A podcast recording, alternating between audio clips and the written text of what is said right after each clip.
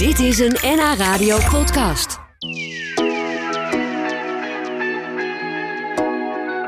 Mijn gast van vandaag heeft net een avontuurlijke reis achter de rug. Wesley Visser die ging met een speurhond op zoek. Ja, het klinkt misschien een beetje als een soort spannend jongensboek. Maar ging op zoek naar het bedreigde dwergnijlpaard in Ivoorkust. Uh, vandaag is Wesley bij ons. Welkom en leuk om je weer eens te zien. Je bent al eens eerder bij ons geweest. Ja, dat klopt ja. ja, Ja. eh, vaker geweest inderdaad. En nu Ja. inderdaad weer eh, terug. eh, dus dankjewel Ja, voor leuk dat je er bent. En, en jij, jij traint speurhonden op van alles en nog wat. Ja. Om drugs te vinden, om wapens te vinden, om ivoor te vinden. Ehm, en ik, ik zag je laatst ook in het NOS-journaal met een speurhond... die op zoek ging naar lekkages in Ja, Al- dat- Almere. Dat was weer even wat minder exotisch. Ja, klopt. Nou, eigenlijk alles wat geur hebt eh, en waar er problemen zijn, ja, daar kan een speurhond getraind in worden. Om Ja. het opsporen van. Ja, bijzonder, maar dus ook een dwergnijlpaard. En hoe dat gegaan is, eh, dat, eh, dat gaan we zo dadelijk horen. Het klinkt als een spannend jongensboek. Wesley Visser die reisde onlangs naar Ivoorkust... om daar met zijn speurhond Boyd op zoek te gaan... naar het bedreigde dwergnijlpaard. Nou, vandaag is Wesley hier in de studio om te komen vertellen over zijn avontuur. En we praten via de telefoon ook met zijn opdrachtgever. Dat is Monique Paris, directeur van het Institute for Breeding Rare and Endangered African Mammals. Het is een hele mond vol, maar goedemiddag. De- leuk dat je er bent, Monique. Even kijken, jij bent daar. Ja, goedemiddag. Ja. Wesley, eh, jij bent een eh, paar weken geleden teruggekomen met je hond, Boyd. Eh, om te beginnen, wat, wat is dat eigenlijk voor hond?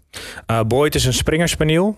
Ehm, ja, eigenlijk een heel klein, makkelijk lief hondje die één ding wil doen. En dat is dwergnaalpaarden zoeken. ja. Daar is hij voor geboren. Ja, ja, eigenlijk wel. Dus ja. ja, hij wil alleen maar zoeken. En eh, hij is helemaal gek op de dwergnaalpaard. Dus ja, ik kreeg hem gewoon ook niet in de jungle. Dus dat was ook een echt een avontuur. Ik kreeg hem ook niet... Ja, ik moest hem echt stoppen met zoeken. Echt waar? Hij bleef maar doorgaan, ja. Maar, maar hoe komt dat? Hoe heb je dat getraind met hem? Nou, niet elke hond kan speuren, maar Boyd heeft eigenlijk de driften om alles in huis te hebben. Dus ook eigenlijk naar een ander klimaat reizen en daar eigenlijk gelijk zo presteren. Ja, dat kan alleen maar eigenlijk als je de juiste kernwaardes hebt om een werkhond te zijn. En dat heeft Boyd natuurlijk. Ja, en, en hij heeft iets met dwergnijlpaarden blijkbaar. Ja, precies. Daar heb ik een eh, mooie associatie mee gemaakt. En, eh, maar daarnaast vindt hij het ook natuurlijk helemaal interessant. Want hij kan via het water zoeken, via het land. En dat maakt dat spelletje wel heel leuk van waar zitten ze nou? Ja, ja, en de hamvraag is natuurlijk: eh, heb je het dwergnijlpaard gevonden of meerdere? Ja, tuurlijk. Dus die hebben we zeker gevonden. Ja. Dus ja, daar hoor je straks meer over. Maar dat is inderdaad, het is, het is gelukt. Dus Ja, dus jij blij en je opdrachtgever blij. En dat is eh, Monique Paris, de directeur. Dus ik ga het nog één keer zeggen van het Instituut for Breeding Rare and Endangered African Mammals. Goed vertaald als eh, het instituut voor eh, ja, zeldzame en bedreigde Afrikaanse zoogdieren. Goedemiddag Monique. Wa- wat is dat precies voor organisatie? Ja, eh goedemiddag inderdaad. Eh, nou, wij zijn een eh, stichting die zich inzet voor het behoud van Afrikaanse zoogdieren. Je moet ons zien als een internationale stichting. En op dit moment richten we ons met name op het behoud van Afrikaanse mm, wilde honden, neushoorns, Afrika's meest bedreigde hondachtige. En dat is de Ethiopische wolf. Die zijn echt enorm bedreigd. En dus ook het dier waar we het vandaag verder over zullen gaan hebben, het dwergnauwpaard. Ja, en waarom wilden jullie speciaal daar iets voor doen? Eh, waarom we Voor het speciaal- Ja, dat, dat is eh, een heel erg lang verhaal. Maar het dwergnauwpaard, dat is een eh, bedreigde diersoort. En ja, toen ik zelf eh, 25 jaar geleden in het oerwoud woonde... toen liep ik dag in, dag uit door het oerwoud. En toen is mijn fascinatie voor het dwergnauwpaard ontstaan. Want hij leefde daar, maar we zagen hem nooit. En er was zo weinig over hem bekend. En het is ook zo dat een dwergnauwpaard... Ja, het is een bedreigde diersoort... maar hij leeft in een heel bijzonder gebied in West-Afrika. En ja, het is ook een zaadverspreider. Dus hij heeft een hele belangrijke rol voor het hele oerwoudsysteem... om dat gezond en in leven te houden. Ja, maar hij dus, laat zich dus ja, we nooit moeten echt inzetten op het dwergnauwpaard. Nee, Ja, nee. Dus, dus dat is misschien daardoor ook lastig om hem te beschermen. Als je eigenlijk helemaal niet weet waar die zit en, en, en hoe die leeft. Ehm, en, en als je het hebt over een dwergnijlpaard, hoe, hoe, hoe dwerg is dwerg in dit geval? Ik bedoel, hoe groot is dat ding? Het dier? Ja, nou, het, het is, uh, het dwergnijlpaard is inderdaad veel onbekender dan zijn grote neef. Dat is het gewo gewone nijlpaard en dat, uh, ja, dat kent iedereen vast wel. Zijn ogen zitten ook meer aan de zijkant. Hij is zwarter om te zien.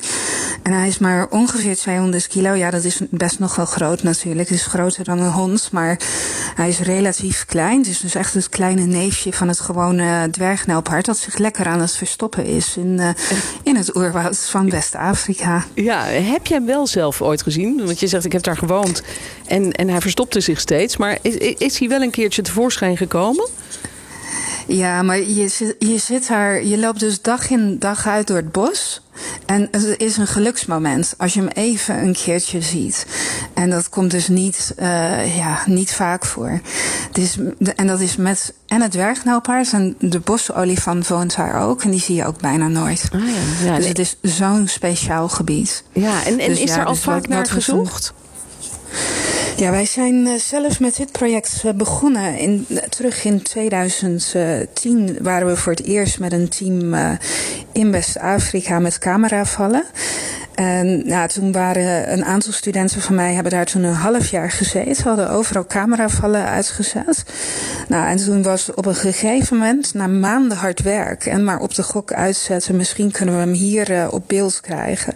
Ja, toen kwam er een juichend bericht terug naar ons van, uh, hey, we hebben hem op, de, op beeld staan. Ja. Dus, nou ja, maar als je dan vandaag hoort wat we hebben weten te bereiken met de speurhond, dan zie je echt dat we zo'n verschil nu kunnen maken door speurhonden in te gaan zetten bij het project. Fantastisch. Hoe, hoe kwam dat eigenlijk dat jij Wesley uh, daarbij en zijn hond daarbij bent gaan betrekken? Hoe kwam je op zijn spoor? Om het maar even ja, in het thema nou, te houden. We zijn ja, ja, nee, we zijn uh, binnen iBream zijn we echt uh, bezig om op innovatieve manieren um, ook te helpen met het natuurbehoud. En dus we, zijn niet alleen maar aan het kijken van ja, het beschermen van het leefgebied, dat gebeurt na, na, namelijk al volop. Maar we zijn allerlei andere innovatieve dingen ook aan het doen. Zoals bijvoorbeeld met pheromonen. En sinds een paar jaar zijn we dus ook met speurhonden binnen onder de paraplu van iBream bezig. En binnen Nederland uh, is Mariska Snelleman via Conservation Detection Dogs ook honden voor ons aan het trainen. Oh. Om in uh, ja, poepsamples die dan hierheen komen te kijken van wat is nou een mannetje en wat is een vrouwtje. Maar via haar werk kwamen we er ook achter. Het was enorm lastig om poepsamples te verzamelen, verse samples in het oerwoud en ze dan vervolgens te transporteren naar ja. Nederland. En in 2012 zijn we ook op een expeditie geweest om een aantal dieren te vangen en van een zendertje te voorzien. Oh ja. Toen zijn we wekenlang daar geweest met een internationaal team met dierenartsen. En ja, op een gegeven moment was de tijd op. En het is ons in die zes weken dat we daar waren gewoon niet gelukt om de toeneng te vangen. Jeetje. Dus toen hebben we gedacht, hoe kan dit beter? Hoe kan dit sneller? Hoe kunnen we echt goed weten waar is nou de verblijfplaats van het dwergnelpaard en echt heel gericht um, ja, de, val, de, de ja. boxstraps um, neer te gaan zetten. Ja. En zodat we wel succesvol kunnen gaan zijn. Nou, en het verhaal wat we vandaag vertellen, dat is daar het antwoord op. Ja, dat was Wesley met zijn honden. In dit geval hond Boyd, een uh, Springer Spaniel. Die heb je meegenomen. Dacht jij meteen, oh, zo'n dwergnijlpaard vinden, dat, dat gaat wel lukken? Want we hebben al zoveel successen gehad. Nou ja, dat eigenlijk wel. Ik zei het wel met mijn- mijn grote mond eigenlijk. Uh, maar uh, Monique vroeg van, joh, we doen dit nu. Hoe kunnen we dit verbeteren? Dus ik zei nou eigenlijk een hond naar het park brengen. En eigenlijk op de, uh, ja, de dwergnijlpaard maakt altijd contact met de rivier. Vanwege zijn huid. Uh, wat eigenlijk nat moet blijven. Dus ik zei, ik ga een hond trainen die voor op de boot staat. En als een kompas aangeeft van, hé, hey, hier zijn verse sporen. Wauw. Nou, hoe dat uh, precies gegaan is, dat uh, gaan we zo dadelijk horen. Dan uh, praat ik nog eventjes verder met Wesley en ook met zijn opdrachtgever Monique. Over ja, de, de speurtocht naar het dwergnijlpaard in Ivoorkust. Ik praat nog even verder met Wesley Visser, die net terug is uit Ivoorkust, waar hij samen met zijn hond Boyd op zoek ging naar het dwergnijlpaard. Het spook van de jungle, want die laat zich bijna nooit zien. Uh, dat deed hij in opdracht van Monique Paris, directeur van het Institute for Breeding Rare and Endangered African Mammals. Het is een hele mond vol, maar het gaat erom dat uh, die stichting zich inzet voor het behoud van, van ja, zeldzame en bedreigde dieren in Afrika, zoogdieren. Uh, Wesley, uh, Monique vertelde net dat er al eerdere zoekmissies zijn geweest. Onder andere met haar, maar ook andere wetenschappers. Die, die soms maandenlang daar waren. Nooit één dwergnijlpaard gezien. Hoe lang duurde het bij jou voordat je er eentje in het vizier had? Nou, eigenlijk dacht ik, uh, we gaan een kort rondje op de boot doen om even te trainen. En eigenlijk was het al binnen een uur was het raak. Pikte de boot al uh, verse sporen op. En eigenlijk gelijk ook verse sporen te zagen en verse uitwerpselen.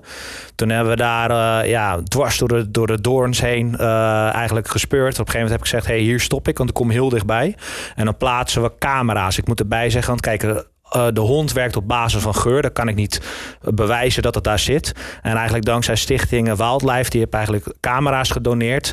Die, daar heb ik heel goed gebruik van gemaakt. Dus die heb ik geplaatst. En daar ja, was het eigenlijk gelijk op raak. En, Zo, uh, ja, binnen een uur? Ja, binnen een uur hadden we sporen te pakken. En uh, het leefgebied eigenlijk in kaart in die, die, regio gebracht. En dat was eigenlijk, ja, dat is de kracht van de hond. En door voor op het water te werken. Dus, dus daardoor kan je heel groot stukken land afzoeken. Ja, met grotere snelheid. En, en jouw hond is dus blijkbaar getraind om, om ook in water dat spoor te ruiken. Want je, je vaart dus over een rivier. En zelfs daar ruikt hij dat spoor. Of ruikt hij in het water? Uh, beide. Uh, maar eigenlijk ook uh, het dwergnaalpaard maakt continu contact met het water. Maar hij zag soms al echt van 200, 300 meter ver af. Zeg ik, hey, 12 uur voor, land daar, zie ik dat mijn hond heel, heel hevig gereageerd. Want we hebben hier op een kleine hoeveelheid getraind. En ook op de dierentuin bij de grote dwergnaalpaard.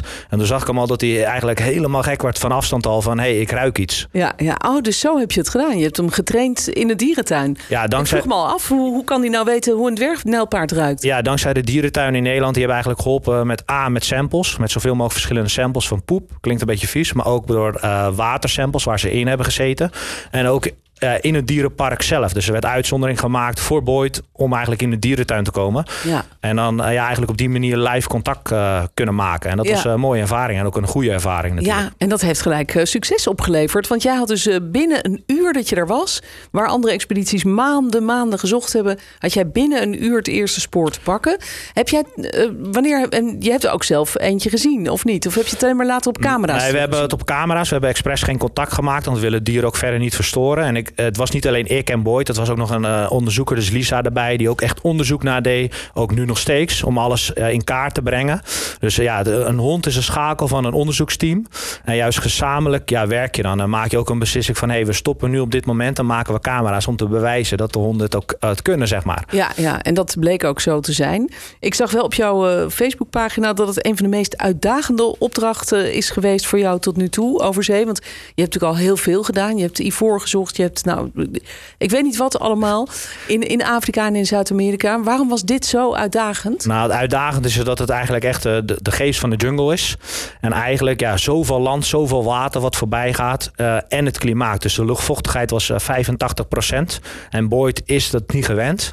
Dus we hebben echt, uh, Boyd is echt, je moet het zien als een atleet hier maandenlang getraind voor deze, voor deze expeditie. Ja, en dat heeft heel goed uitgepakt. Maar ja, ik ging naarmate ging de onderzoeken lezen dat het echt moeilijk was. Dat het, uh, ja, dus ik dacht op een gegeven moment van ja, ik had het natuurlijk van tevoren wel gezegd tegen Monique en Eibrim van uh, ja, we gaan dit doen. Maar ja, je moet het dan natuurlijk wel bewijzen. Dus, maar het was een hele grote uitdaging. Maar ja, we hebben wel heel blij dat we ja, met deze resultaten ja, kunnen helpen. Ja, en hoe ging dat eigenlijk? Dat, dat spoor hadden jullie binnen een uur te pakken, of als jouw hond.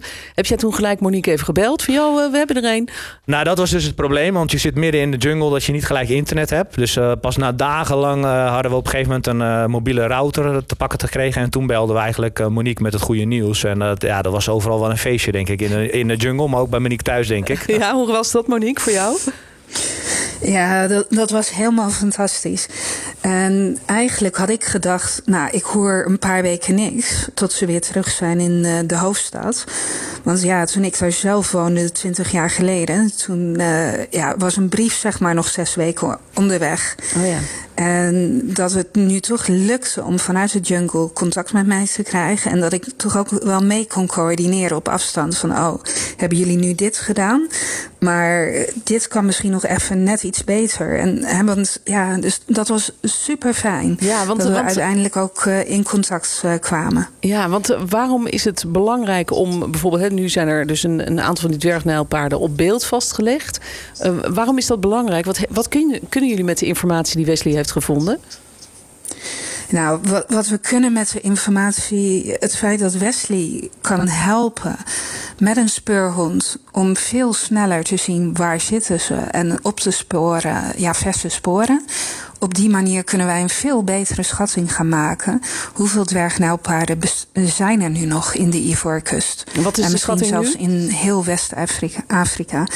Nou, de schatting die wij gemaakt hebben, gebaseerd op het werk met de cameravallen in 2010, is dat er nog ongeveer 1000 à 2000 zijn.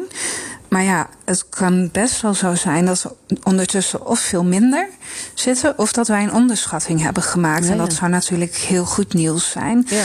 Maar om goede plannen te maken, wat moet je nou voor de dieren doen? Om te zorgen ja, dat ze overleven op de lange termijn is het heel erg belangrijk dat we in eerste instantie weten hoeveel zitten er nu. Ja, tuurlijk. En, waar ja, zitten dat kunnen we gaan doen. Ja, nou, ja. heel belangrijke informatie dus. Betekent dit trouwens dat Wesley nog een keer terug moet met, met Boyd? Wesley, is dat moeten als je nog een keer terug moet?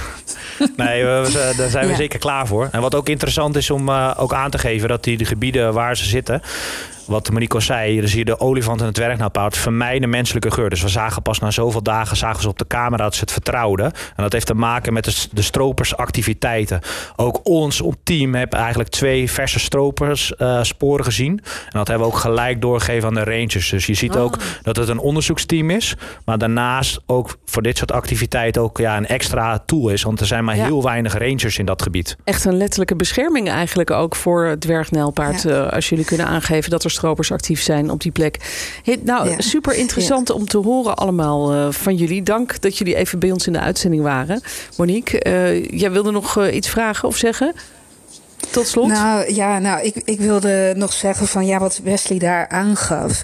Uh, dat het een extra tool is. Daar zijn we nu inderdaad uh, ja, over in gesprek met uh, de parkrangers en het, ja, de, de hoog, op, het, op hoog niveau binnen de Ivoorkust. Dat kunnen we er nog meer ja. mee. Ja. En het plan is inderdaad ja, om volgend jaar, als we genoeg fondsen weer binnengehaald hebben, om dan terug te gaan met een grote expeditie. Dan ga ik zelf ook mee. Oh, dat we echt gaan proberen een aantal dieren te zenderen. Ja, dat zou mooi ja, zijn. Dan gaat Boyd ons eerst uh, vertellen van waar zitten ze en waar gaan we ze vangen.